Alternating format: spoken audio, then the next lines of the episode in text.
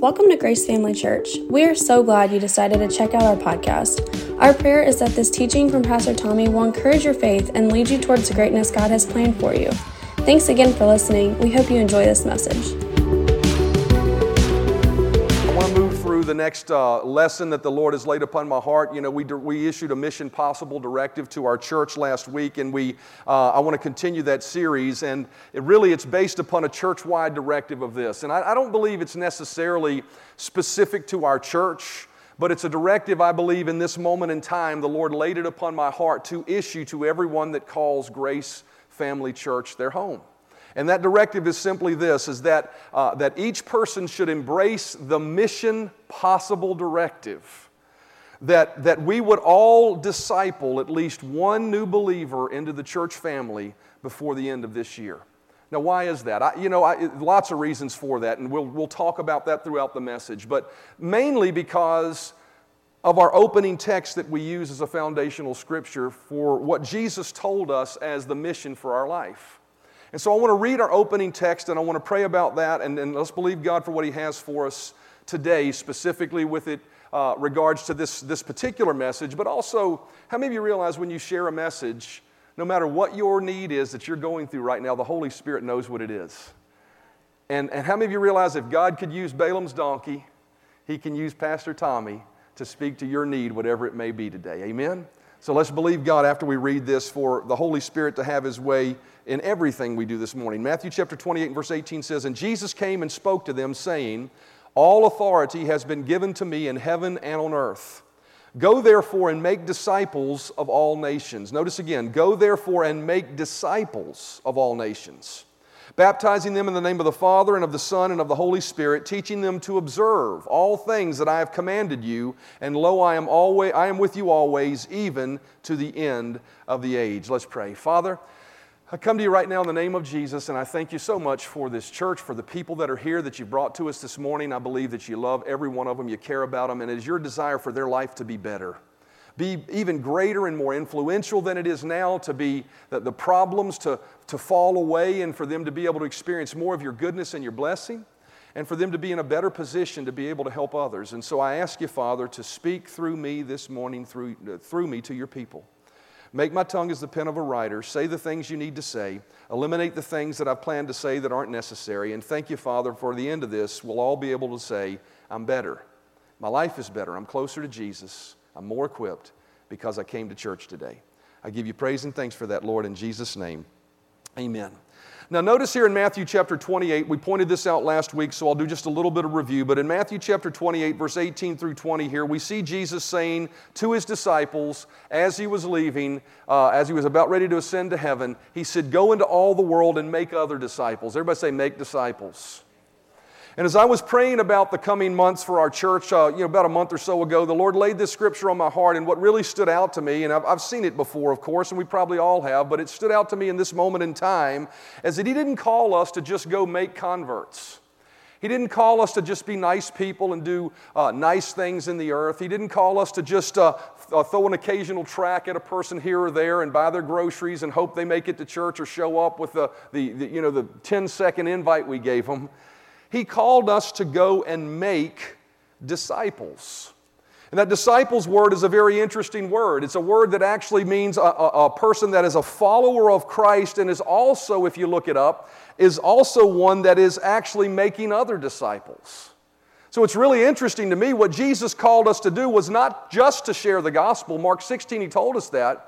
But he also told us that we needed to trust him and believe him that he would use our life in such a way that we would make other disciples that are on fire, that are excited about Jesus, that are leading others to Christ. And so the Lord challenged me to issue a directive to everyone here at this church that it is our goal, it is our purpose, it is our calling to make disciples. That's not something that's set aside for just the choice few believers that are on fire for Jesus or those that have an outgoing personality. Every single one of us have people that we cross the path of in our lives, and it is our goal to make disciples of those people.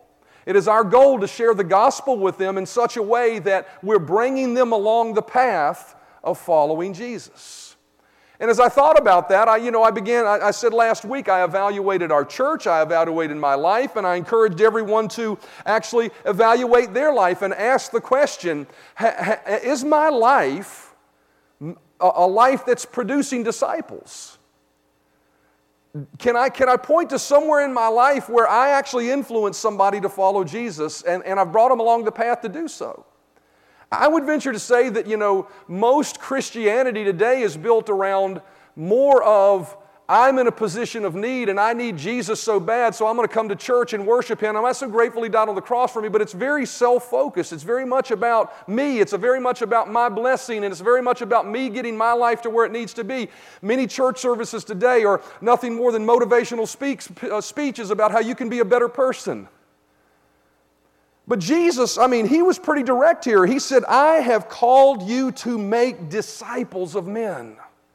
And so I really felt the urgency of it. And so I really, I felt like the Lord leading me to this title, even Mission Possible, based on sort of the Mission Impossible themes and the movies that we've watched at times. And those Mission Impossible themes, they came with, you know, the directive to, to, to the main character there, Ethan Hunt they came to him with this directive of um, the world is going to be in really dire straits if you don't actually fulfill your mission.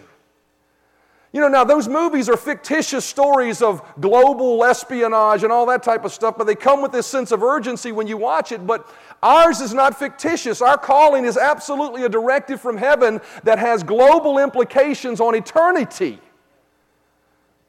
if we don't fulfill our calling. See, the reality is, is the people in our lives that we call our friends, that we pass by, that we spend time with, that maybe we haven't crossed that line and begin to think about using that relationship to bring that person into a relationship with Christ, not so we can check a box and say, look how great I've done, I've brought someone, but because we care about them. Because we genuinely understand the scripture and we understand the reality of eternity and we care enough about them to cross that line and step over that maybe uncomfortable moments to talk to them about probably the most important conversation you could ever have with them. See, Mark chapter 16 and verse 15, it says, And Jesus said unto them, Go ye, into, go in, ye into all the world and preach the gospel to every creature. Notice this He that believeth and is baptized shall be saved, but he that believeth not shall be damned. The truth of the matter is, is there is a heaven to gain and there is a hell to shun for every single person on this planet. The friend maybe that you sat across the table with and had dinner with at some restaurant this week that you've never discussed Christ with, they are going to step into eternity one day. And, and it's important for us to know that we cared about them enough to be able to share the gospel with them. It's our job to touch people in our lives and do that. And so, once again, the, uh, Jesus has called us to make disciples. And so, I really felt tr- led of the Lord to challenge us to do two things. Number one, not in a sense that we leave here feeling condemned because we've underperformed. But how many of you realize that the, um, if you're an athletic person and you train, it's important for you to have moments where you evaluate where you're at and how you can do better, right? If you're a Hokie fan, you're probably hoping they figure that out, right? If you're a UVA fan, you're probably glad they had a great weekend, right? And of course, I've very quickly become a JMU fan because my daughter is now up there dancing and cheering, and they did great 47, 42 to 7. They did great. So, anyway. But how many of you realize you've got to have moments of evaluation to see how you're doing? And I really felt like the Lord wanted us to stop and check the pulse of our hearts this, this morning and through this series to ask ourselves the question Does my life have the fingerprints of a disciple maker? Does my life have those fingerprints? Am I investing in people? Am I sharing the gospel? Am I, am I doing what Jesus did? And then, if wherever we're at in that process, to accept the directive, the challenge that we issued, and actually uh, uh, make, a, make it a point to become more of a disciple maker. My prayer is this that, as you know, I, I really felt like, you know, there, there are some messages as a pastor you teach, and you know that it is you providing the, the broccoli and the uh, stuff that people need just to grow, right? Just the standard stuff you got to do as a pastor. And then there are moments when the Lord lays things on your heart that I believe are, are, are monumental moments. And I believe that, you know, this September uh, is, is a monumental moment for our church. And I don't, really don't say that to over dramatize. I really feel like the Lord, if you're here and you call this your home church, these messages are critical to us fulfilling the calling as a ministry that God wants us to fulfill. And my prayer is this is that what would happen through these messages is that not we develop a program or that we, you know, have a, a something that's just ritualistic. My real prayer is that through everything we're doing in obedience to the Lord, that the end result with that would be an outflow of something organic that the DNA of our church would be a body of believers that care so much about the lost and hurting and are so cognizant of eternity and that Jesus is coming soon and that as it is in the days of Noah, so it is right now. And the Son of Man is about to return, that we would have that urgency about our lives so that we organically just care enough about people that we are doing our best to not just throw a track at them and not just keep our relationship with Jesus in a closet, but that we're disciple, we're doing our best to disciple people. We're doing our best to bring them along. So I pray that we'll, as we move through this series, that your passion uh, to complete the directive of finding one person in your life to apply to the things we're going to be talking about over the next couple of weeks. To the end that we believe, God, that not that they're a number, but that this person truly now has a real relationship with Jesus. And they're preparing their heart to stand before Him one day. And they're also even actively thinking about how can I help my friends do that, right? That's how revival takes place.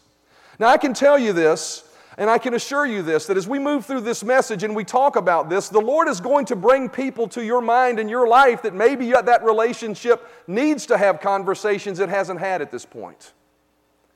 And so, what I've done is you came in this morning. How many of you got the blank index card? How many of you got those? If you got the blank index card as you came in this morning, if you didn't, who didn't get a blank index card? If you didn't get one, raise your hand. And let's get those to those. Some people snuck in the door and missed our greeters or they were workers.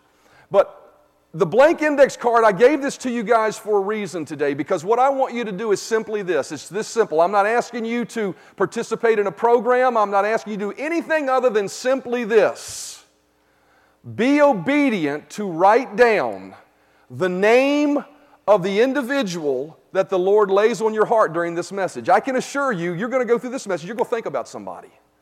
That's a relationship where I should be introducing Jesus to that person. Don't be stiff necked and hard hearted. Just be obedient to write the name down. Just write it down. And if the Lord lays several in your heart, write all those names down. Just write them down as we move. and I'm, I'm not going to call you to, I may bring it up one more time in the message, but I'm going to get to the end of this and I'm going to talk to you about, you know, why I'm having you do that.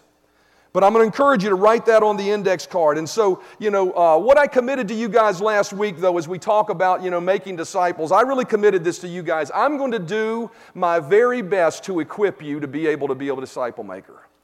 You know, I said last week it's not my job to go, win, to, to go make disciples as the pastor of this church. Individually, I have to do that. But as the pastor of this church, my job is to equip you to do that so that the work of the ministry can be done and the house of God can be enlarged. And so I'm going to do my best in this series to, uh, to equip you guys, and through even our personal trainer program, to equip you guys to be able to be more effectively answer the call to make disciples. But in addition to that, you know, that personal trainer class that we've got set this morning, I want to start this morning by equipping you to be a disciple maker. And I want to start by taking a look at the story of the Good Samaritan. How many of you are familiar with the story of the Good Samaritan? If you're not, we're going to read the entire story. Our uh, media team, my, my, actual daughter, said, Man, how long are these scriptures you're using, Dad? I got to make multiple slides. Well, because this is a story, I need to get through the whole story. So, uh, how many of you know it's okay to read eight or 10 verses in church? We're such an attention span deficit uh, society that if you read anything more than a couple of sentences, I mean, you know, Facebook, if it's more than a few words, people don't read it. You think you've posted some great thing, most people don't read it. they just go by it. It's too much to read. The reality is, is we become attention deficit folks a lot of times. So let's hone in and let's look at this story of the Good Samaritan. Let's read the Bible this morning. It's okay to read the Bible in church. Amen. Luke chapter 10, verse 25 through 37. Now we'll skip a few verses here and there to help you a little bit with your attention deficit. But uh, Luke chapter 10 and verse 25 says, And on one occasion, an expert of the law stood up to test Jesus. Verse 29, he, so he asked Jesus, Who is my neighbor? Prior to that, Jesus said, Love your neighbor. You know, he said, Love your neighbor as yourself and love the Lord our God with all your heart, right? And then the man asked the question, Who's my neighbor? Who am I supposed to love? How many of you realize that question alone is probably an indication of where his heart was? Because I want to divide the line. I, tell me who I'm supposed to love and who I'm not supposed to love, because there's a lot of people I don't want to love. But he asked the question, Who is my neighbor? And in reply, Jesus said, I always love the fact that Jesus always told stories to help us understand things. It says, And a man was going down from Jerusalem to Jericho, and, when he, and he was attacked by robbers. They stripped him of his clothes, beat him, and he went away, leaving him half dead. A priest happened to be going down on the same road, and when he saw the man, he passed by on the other side. So, to a Levite, when he came to the place where he saw him, passed by on the other, other side. But a Samaritan, as he traveled, came where the man was, and when he saw him, he took pity on him. And he went to him and bandaged his wounds, pouring on oil and wine. Then he put the man on his own donkey, brought him to an inn, and took care of him. The next day he took out two denarii and gave them to the innkeeper. Look after, look after him, he said, and when I return, I will reimburse you for any extra expense that you may have. And then Jesus asked, Which of these three do you think was a neighbor to the man that fell into the hands of robbers? And the expert of the law wisely said, The one who had mercy on him. And Jesus said, Go and do thou likewise. Now, in this verse of Scripture, there's a lot we can extract, and for the sake of time this morning, I'm not going to do that. I'm going to break it apart over the next several weeks. But one of the things that, that we find here in this, in this verse is that Jesus is defining how to effectively love someone, bind them up, help them, and help their life get better. He's defining that for us. And so, and so notice what, the, what, what, what took place here is we first understand who is our neighbor. Everybody say, Who is my neighbor? Now, a neighbor is really interesting. A neighbor is, first of all, it is not one that lives in your home. How many of you realize you don't call your kids your neighbor? You don't call your wife your neighbor. That'd be a problem if you did, right? The ones that live in your home are typically not your neighbor. Who is your neighbor? Your neighbor is the one that lives outside of your home, but is really probably in very close proximity to your life. You know, naturally speaking, my neighbor is the people that live on the right and left of me across the street from me. Those are my neighbors, right? And so it's important to recognize that when he talks about loving your neighbor as yourself, and, and as it pertains to even really the greater goal of making disciples, he's not talking about loving the other people in this room. How many of you realize we're called to love each other as believers, right? There are other scriptures certainly attesting to that. But this story is not talking about how you love the nice people in your life that love Jesus like you do. They're not, they're in the house of God. We're all in the same house, right? We're all in the, the family of God. We're all in the church. We're all family. We're not neighbors. Matter of fact, the people that are meeting in churches around the place with us, if they're believers, they're not neighbors to us either. They're fellow believers. So he's not talking about that. He's talking about how do you love who? The people that are lost by the roadside, beaten up by a robber, and are half dead. he's talking about the lost, the hurting, and the unchurched. Those are the individuals that we've been called to love. And so Jesus is talking uh, not about members of your individual family, but he's talking about people that are lost and hurting and unchurched. Now, the other thing to note about this is he's also not typically talking about the people that are on some distant shore that your path never crosses. Because the Good Samaritan was, th- this individual that he was ministering to was on the highway of his life. And so, one of the things we need to understand is the people that God has called us to the love and make disciples of are not the, you know, we have, we have Mission Sundays. And by the way, this quarter, our focus is going to be actually supporting a lot of uh, domestic things here around our, our, um, our uh, church. And so, a lot of our focus is going to be on that the last quarter of this year. So, we won't have the typical Mission Sundays until starting next year again. But, but that being said, uh, you know, when we have Mission Sundays, one of the reasons we do that is because it's a part of our heart. We want to sow finances into p- folks that are reaching people all over the world. Because there are areas still of the world where people need to know Jesus for the first time in their life and understand the gospel for the first time in their life. And so we want to sow into those ministries and do that. But if that's all we ever do, however, we realize that's not making, and that's, we're having a part in making disciples, but we're not actually uh, touching people on the highway of our life. See, this Good Samaritan, he was about his life and someone crossed his path. And so it's important to recognize that, that we've been called to touch the people that our lives touch. And I would say that, you know, part of that can certainly be touching the stranger. The Bible says, go out on the highways and byways and, and, and bring them into the house of God. So, how many of you realize you go to the grocery store, see somebody in need, You want to do a nice thing for them, so you buy their groceries and then you try to talk to them about Jesus. How many of you realize that's a good thing, right? That's a good thing. I encourage you to do that. But I got to tell you, it's really easy to share the gospel with a stranger. But I would tell you that probably the people that are, uh, the, the, the, probably I would suggest that the candidates for your neighbor are probably a little bit closer to your life than the stranger you meet at the grocery store. I would tell you that the, the, the, the, the neighbors that we're called to meet are absolutely the people that our lives cross path with every day. The people you work with. Now, I understand the culture we live in. You can't create hostile work environments and all that, but how many of you realize you build acquaintance and friendships with the people you work with, and sometimes you see them outside of work, right? Amen. The people you cross paths with, or even potentially some of your relatives and family members that you love and care about, but they're not actively following God and serving God and in church on a regular basis. Those are the people that our lives touch. Those are the people that I really felt like the Lord was challenging me with that we need to be sensitive to the opportunities in those lives. Those, I would tell you, those are the people that we supposedly care about the most, right? Those are the people we spend time with. We have a cookout or we go out to eat, that's the person we call. Why? Because we like them, we love them. My point would be is if we really like them and love them that much, do we love them enough from an eternal perspective to cross the line when we need to cross the line and have a real poignant conversation with them about how much God loves them and we love them and we want them to be prepared for eternity? Do we take the opportunity when they have problems in their life to let them know that we've got the answer of Jesus living on the inside of us that can help with that problem? See, some of our closest and most intimate friendships could be right now the best opportunity for conversations about growing relationship with Jesus. And I can tell you, somebody just crossed some people's mind. Write them on the card, write their name down. Why? Because these are the people that we're supposedly care about anyway. Why aren't we sharing with them? I, I, was thinking about that because last week, you know, I shared this point with you. I believe in you. Look at your neighbor and say, Pastor Tommy believes in me. Okay. I do. I, I honestly do.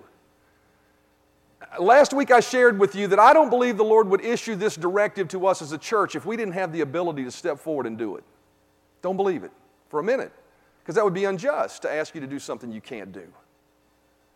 But I would tell you this that I believe in you. I believe that you have the capacity and the willingness and the passion to want to do this, to actually disciple people. I think you care about the people in your life enough to want to do that. But I ask myself this question why then do we not do that more often? How many of you realize that's a good question? It's a good question to ask ourselves. Why do we not share the gospel more often with the people that are closest to our life. Now, I realize sometimes you have to be sensitive and wait for opportunities and windows for God to uh, uh allow, uh, you know, that says that's the right opportunity to share it, right? How many of you realize sometimes sitting around the dinner table at Thanksgiving, serve, uh, you know, Thanksgiving dinner with all of your relatives, even your, un, your lost relatives, maybe ain't the best time to try to share the gospel with everybody? Might be if the Lord tells you. But there might be a more sensitive moment where God opens a door and it's like, man, that's, uh, that's, that's clear. I got to do this right now, right? But why do people not do that with the people they most often care about? I, I would say this. Oftentimes, people won't share eternal truth in the most common relationships, not because they don't care. Because I would tell you, the people you spend the most time with, you do like them, you care about them. It's not because you don't care. The problem is, we really have not embraced in our everyday life the truth of eternity. We haven't embraced the truth of eternity. Eternity is not daily gripping us as a reality and a reality for the person that we're sitting with. It hasn't gripped us that, you know, God forbid if something happened to them tomorrow and they stepped into eternity, it hasn't gripped us that they might do that. It hasn't gripped us that this person I say I care about is on the precipice of this life and eternal life, and I don't know if they're prepared yet. Do I care enough? Do I, do I recognize eternity enough to cause my care about them to cause me to have a conversation with them? See, there's never a more poignant moment when that happens than when someone suddenly that we care about dies and we don't know whether they're made heaven or hell their home. In those moments, we have to really ask ourselves the question should I have been more aware, right? We can always look back and kick ourselves over things that happened in our past, but the Bible says the past is the past. Forgetting those things that are behind, I'm going to press forward. So, what that means is going forward, we need to approach every day realizing that the people that cross the path of my life on a regular basis, these are eternal souls.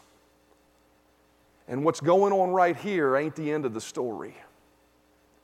As a matter of fact, it's not the most important part of the story other than the fact that they have one chance, one opportunity in this life to accept Christ or to not accept Him. Jesus said, I am the way, I am the truth, I am the life. No man comes to the Father but by me. You can't get there from any other religion. You can't get there from being good enough. You can't get there from doing enough nice things. It is through a personal relationship with Jesus Christ. So what that means is is we need to do our best to foster people into that relationship. Another reason why people are remiss or apprehensive to engage their neighbor in the discipleship effort is because they are more concerned. You ready about this? Everybody ready to say ouch? More concerned about being liked. They're more concerned about being liked. Their desire to be liked or approved of by the individual is more important than the internal destiny of the individual. If we're willing to compromise a friend's or an acquaintance's eternity so we can continue to be liked by them, then how much do we really care about them in the first place? How much do we really believe what the Bible says we should believe? Everybody saying ouch yet? I got to tell you, I pastored, 56 years old, loved Jesus with all my heart, given my life to follow him. Yesterday, we go up for uh, a tailgate at JMU to, uh, with all the other dance, you know, uh, team family members and passing stuff around. And the first person, you know, is sharing, the next person is sharing, and then they ask me, What is my profession? Even me, your pastor, challenged. Because most of you know I'm bivocational, right? So I was challenged to either tell them IT or tell them pastor. Why? Because there's a connotation that comes with pastor. I wanted them to like me. Well, I swallowed hard and said, I'm a pastor. Changed everything. All the drinkers went and sat somewhere else.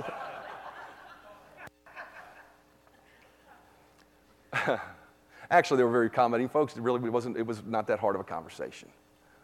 But the reality is, is we all face this challenge. We all face this challenge in our lives, and we want to be liked by people. We want the people that we care about to like us.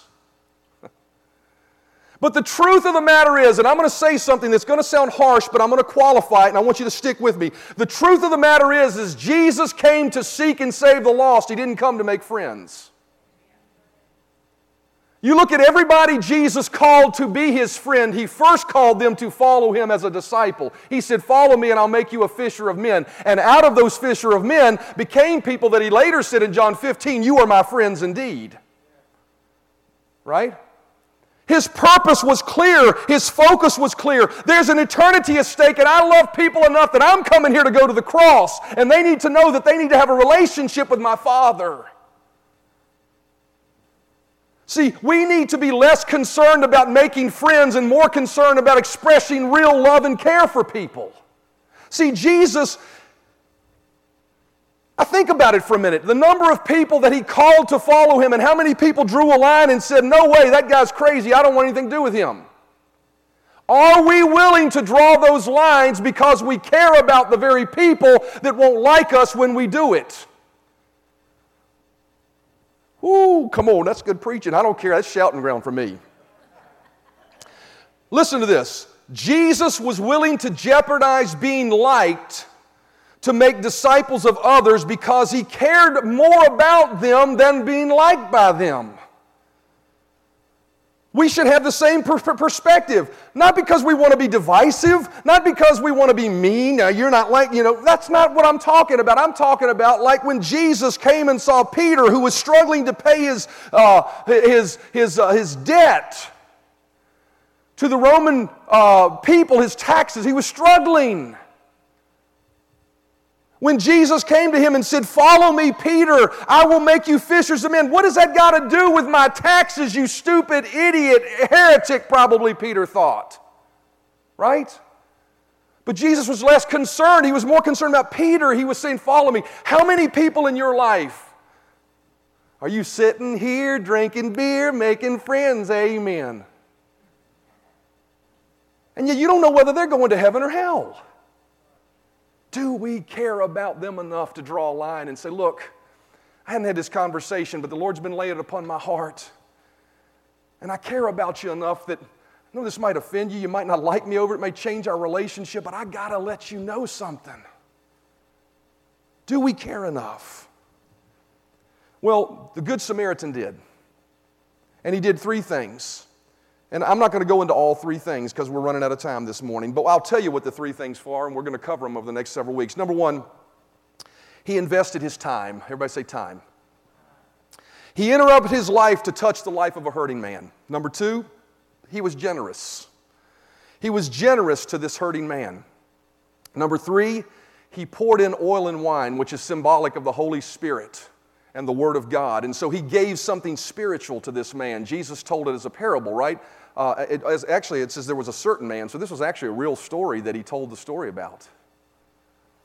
But the oil and wine is symbolic of something spiritual. But what I want to do today, just for the remainder of the day, and I've got, it's 1148, I got a couple minutes left. We try to get you out of here by noon. So um, I want to just focus on the element of time and not even all the, all the things we want to talk about invest, in investing our time.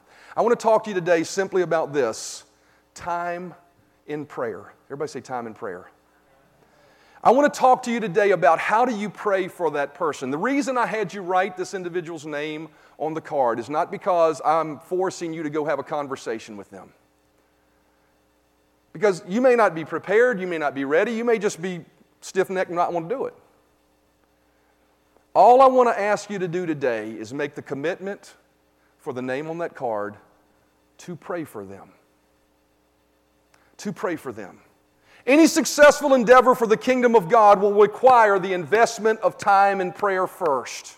Zechariah chapter 4 and verse 6 says, Not by might nor by power, but by my spirit, says the Lord Almighty. It is not your might, it's not your power, it's not your personality, it's not how well you go through this personal trainer program and learn the principles we talk about that's going to win somebody to Christ. It is going to be the anointing of God showing up through what you do and God doing things beyond your ability that parts the sky and the eyes for that person to see, oh my God, I need Jesus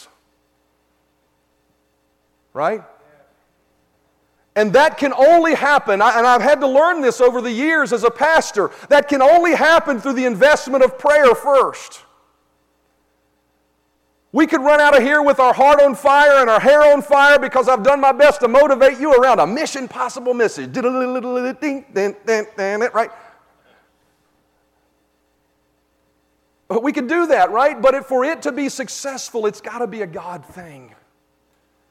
It's got to be a moment where God touches them beyond our intellect and ability, but we've just been a channel through which God has opened a door because we were willing to step over the line with them.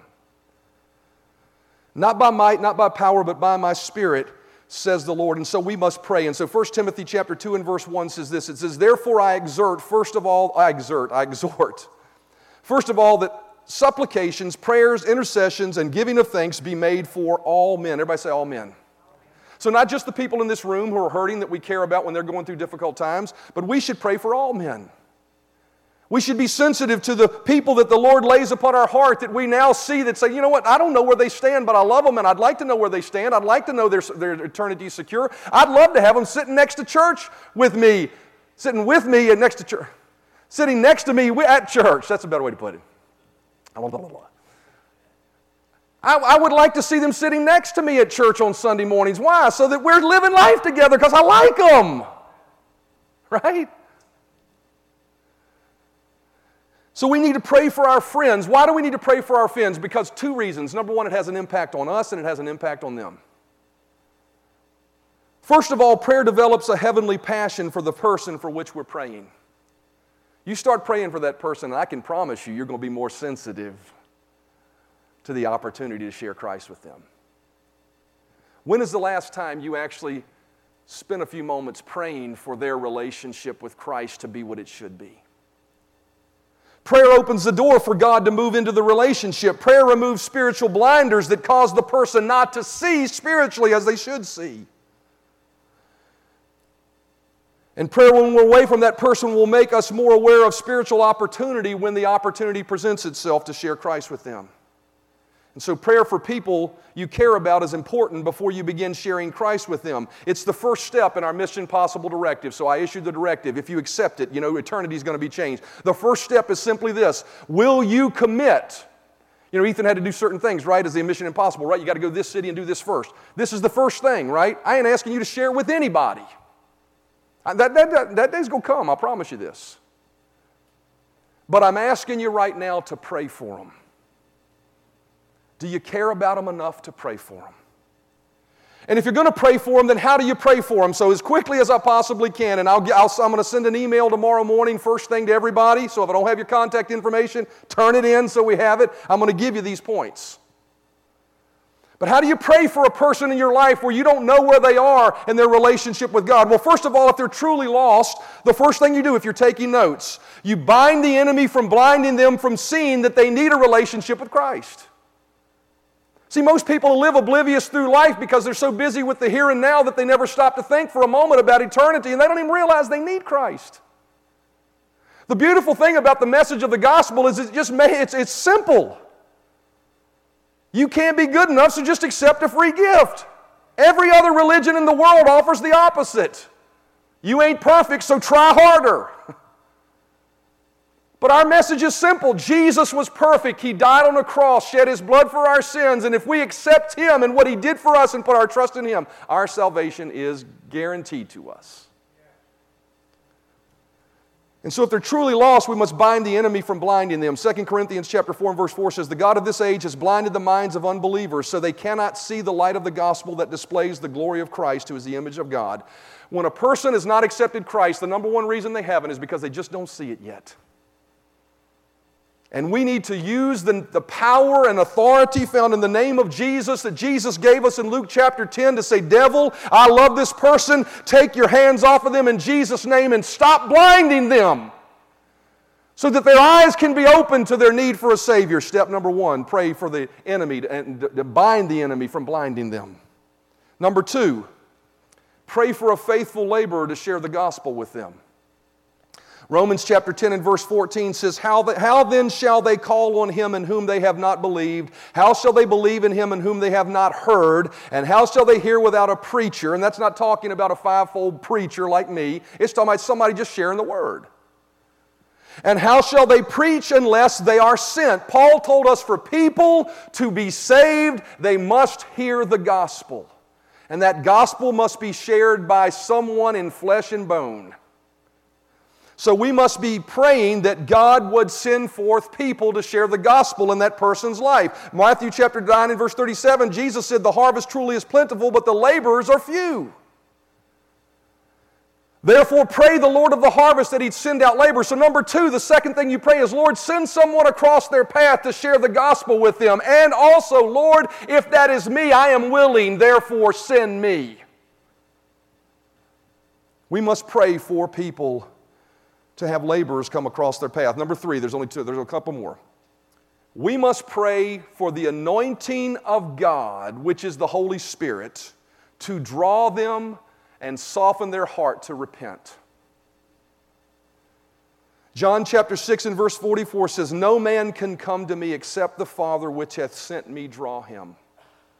Some people would say that's a, here we go, Sam. Some people would say that's a statement of predestination. That's not a statement of predestination. That's a statement to any believer on the planet to pray that God would draw them. Right? The Bible says God is not willing that any should perish, but that all should come to repentance. But there has to be someone sometime to step forward in a person's life and stand in the gap for them and say, Lord, draw them by your Spirit to me, to, to you, and to you. Right? We need to pray that the anointing of God would open their eyes to see their need for a Savior. 2 Timothy chapter 2 and verse 25 says, In the hope that God would grant them repentance, that God would grant them repentance, leading them to a knowledge of the truth, and that they would come to their senses. Everybody say, come to their senses and escape the trap of the devil who has taken them captive to do his will. He says, Look, they need to have a come to senses moment where God grants them repentance, where the anointing comes upon them, and it's like at a parting of the. I don't know about you, but I've had moments like that where God just sort of opened my eyes. I was like, oh my gosh, I didn't see it. That is what we need to pray and believe God for in the life of this individual that's written on your card and the other individuals that God will lay upon your heart. Number four, for the backslidden and the unchurched believer, we need to pray that they would recognize the full hope of the calling of God upon their life. I think about people in my life that I care about that aren't, I know they're believers, I know they believe in Jesus, but they're not, they're not disciples, they're not disciples. And Jesus didn't call me to just check a box and say, oh, they're believers, I can leave them alone now. He said, go make disciples of them. And I think about those individuals and I think, Lord, there's so much potential they could have for the kingdom of God. There's so much in them. Actually, not even just for the kingdom of God. You created them for this purpose, right? That they would understand and recognize their purpose. Paul said, I pray that the eyes of your heart would be enlightened in order that you may know the hope to which he has called you. Paul prayed that we would know the hope to which he has called us. And so we pray for their eyes to be open to recognize the fullness of who God has called them to be. And then finally, we should pray in the Spirit for the lost and hurting and unchurched. 1 Timothy chapter 2 and verse 1 says, I exhort, first of all, we read this already, that supplications, prayers, and intercessions. Everybody say intercessions. And giving of thanks be made for all men. We are to intercede for the lost and hurting. What does intercede mean? It means to, actually, if you look up the definition in Strong's, it means to pray a specific prayer that hits the mark on the behalf of another person a specific prayer that hits the mark. well, let me ask you a question. Do you know exactly what needs to happen in the life of that individual for them to have that eye opening moment? You may think you know, but how many of you realize God only knows? So, to pray that specific prayer that you don't know what it is, how do you pray for that? The beautiful thing about being filled with the Holy Spirit with the evidence of speaking in other tongues is it gives you the opportunity to be able in your personal prayer life to intercede on behalf of that person so that the perfect prayer can be prayed when your peanut head don't know what it is. Romans chapter 8 verse 26 says, We do not know what we ought to pray for, for but, but, or say but, but the Spirit Himself intercedes for us with groanings that cannot be expressed in words. See, when you don't know how that person's on your heart and you don't know what needs to happen, but you have a passion for them to grow to know Christ, you can hit your knees if you're filled with the Holy Spirit and you can pray in other tongues the perfect prayer for them. He knows what needs to be prayed. That's intercession. And you can do that as often as the Lord lays them upon your heart until you get a release from that moment until the next one. 1 Corinthians 14, 2 says, For anyone who speaks in a tongue does not speak to people, but to God. Indeed, no one understands him. They utter mysteries in the Spirit. You can release the mystery of God in their life that needs to take place for them to have that eye opening moment. Prayer needs to take place. So, musicians, as you come, I told you I'd try to get you out of here at noon, and I got one minute. There are lots of things we can do to fulfill our mission, but the first thing we must do is make the investment of time to pray for that individual that the Lord is laying upon our hearts. And my question for you this morning is, is not will you go out and light the world on fire for Jesus this week? That'll be next week. no. The question is simply this Will you begin to pray for that person? That relative? That friend, that best friend? Will you begin to pray for them? Do you care enough to do that? John chapter 21 and verse 15, Jesus said these words, and I'm gonna, this will be one of the last verses I read. This was after Jesus had risen from the dead and Peter was fishing. He had betrayed Jesus three times and he went back to just his normal life and he was fishing. And he saw Jesus coming on the side of the bank and cooking a meal for them. And he jumped in the water and swam to see, see Jesus. How many of you realize Peter still loved Jesus? In John chapter 21 and verse 15 says, So when they had eaten breakfast, Jesus said to Simon Peter, Simon, son of Jonah, do you love me more than these? And Peter said to him, Yes, Lord, you know that I love you. Then Jesus said to him, Feed my lambs. And Jesus said to him again a second time, Simon, son of Jonah, do you love me? And he said to him, Yes, Lord, you know that I love you. And he said to him, Tend my sheep. He said to him a third time, Simon, son of Jonah, do you love me? And Peter was grieved because he said to him a third time, Do you love me? And he said to him, Lord, you know all things. You know that I love you. I just jumped out of the boat. I just swam in the water before even John did, who he says he loves you so much. Jesus said to him, Feed my sheep. See, Jesus, the question Jesus was asking Peter was not, can you love me when nobody's around? Can you jump in the water when you're at church on Sunday mornings? Can you lift your hands and rejoice in your own personal private time? He wasn't asking him that. He was saying, Can you go out and take your life now and draw lines and say, I'm called to be a disciple maker, therefore I care enough about you to have a conversation with you and feed you and, and, and, and tend you and bring you along? See, I believe the critical question is a question we all must address in our lives. And the first step I'm trying to make it as easy as possible for you is simply this Do you love them enough to pray for them? So, here's what I want to do is simply this. You got a card. Hopefully, the Lord laid somebody on your heart and you wrote a name on it. I don't normally do this, but I felt led of the Lord to do this this morning. We're going to sing a song in just a moment that I've asked the worship team to prepare and sing.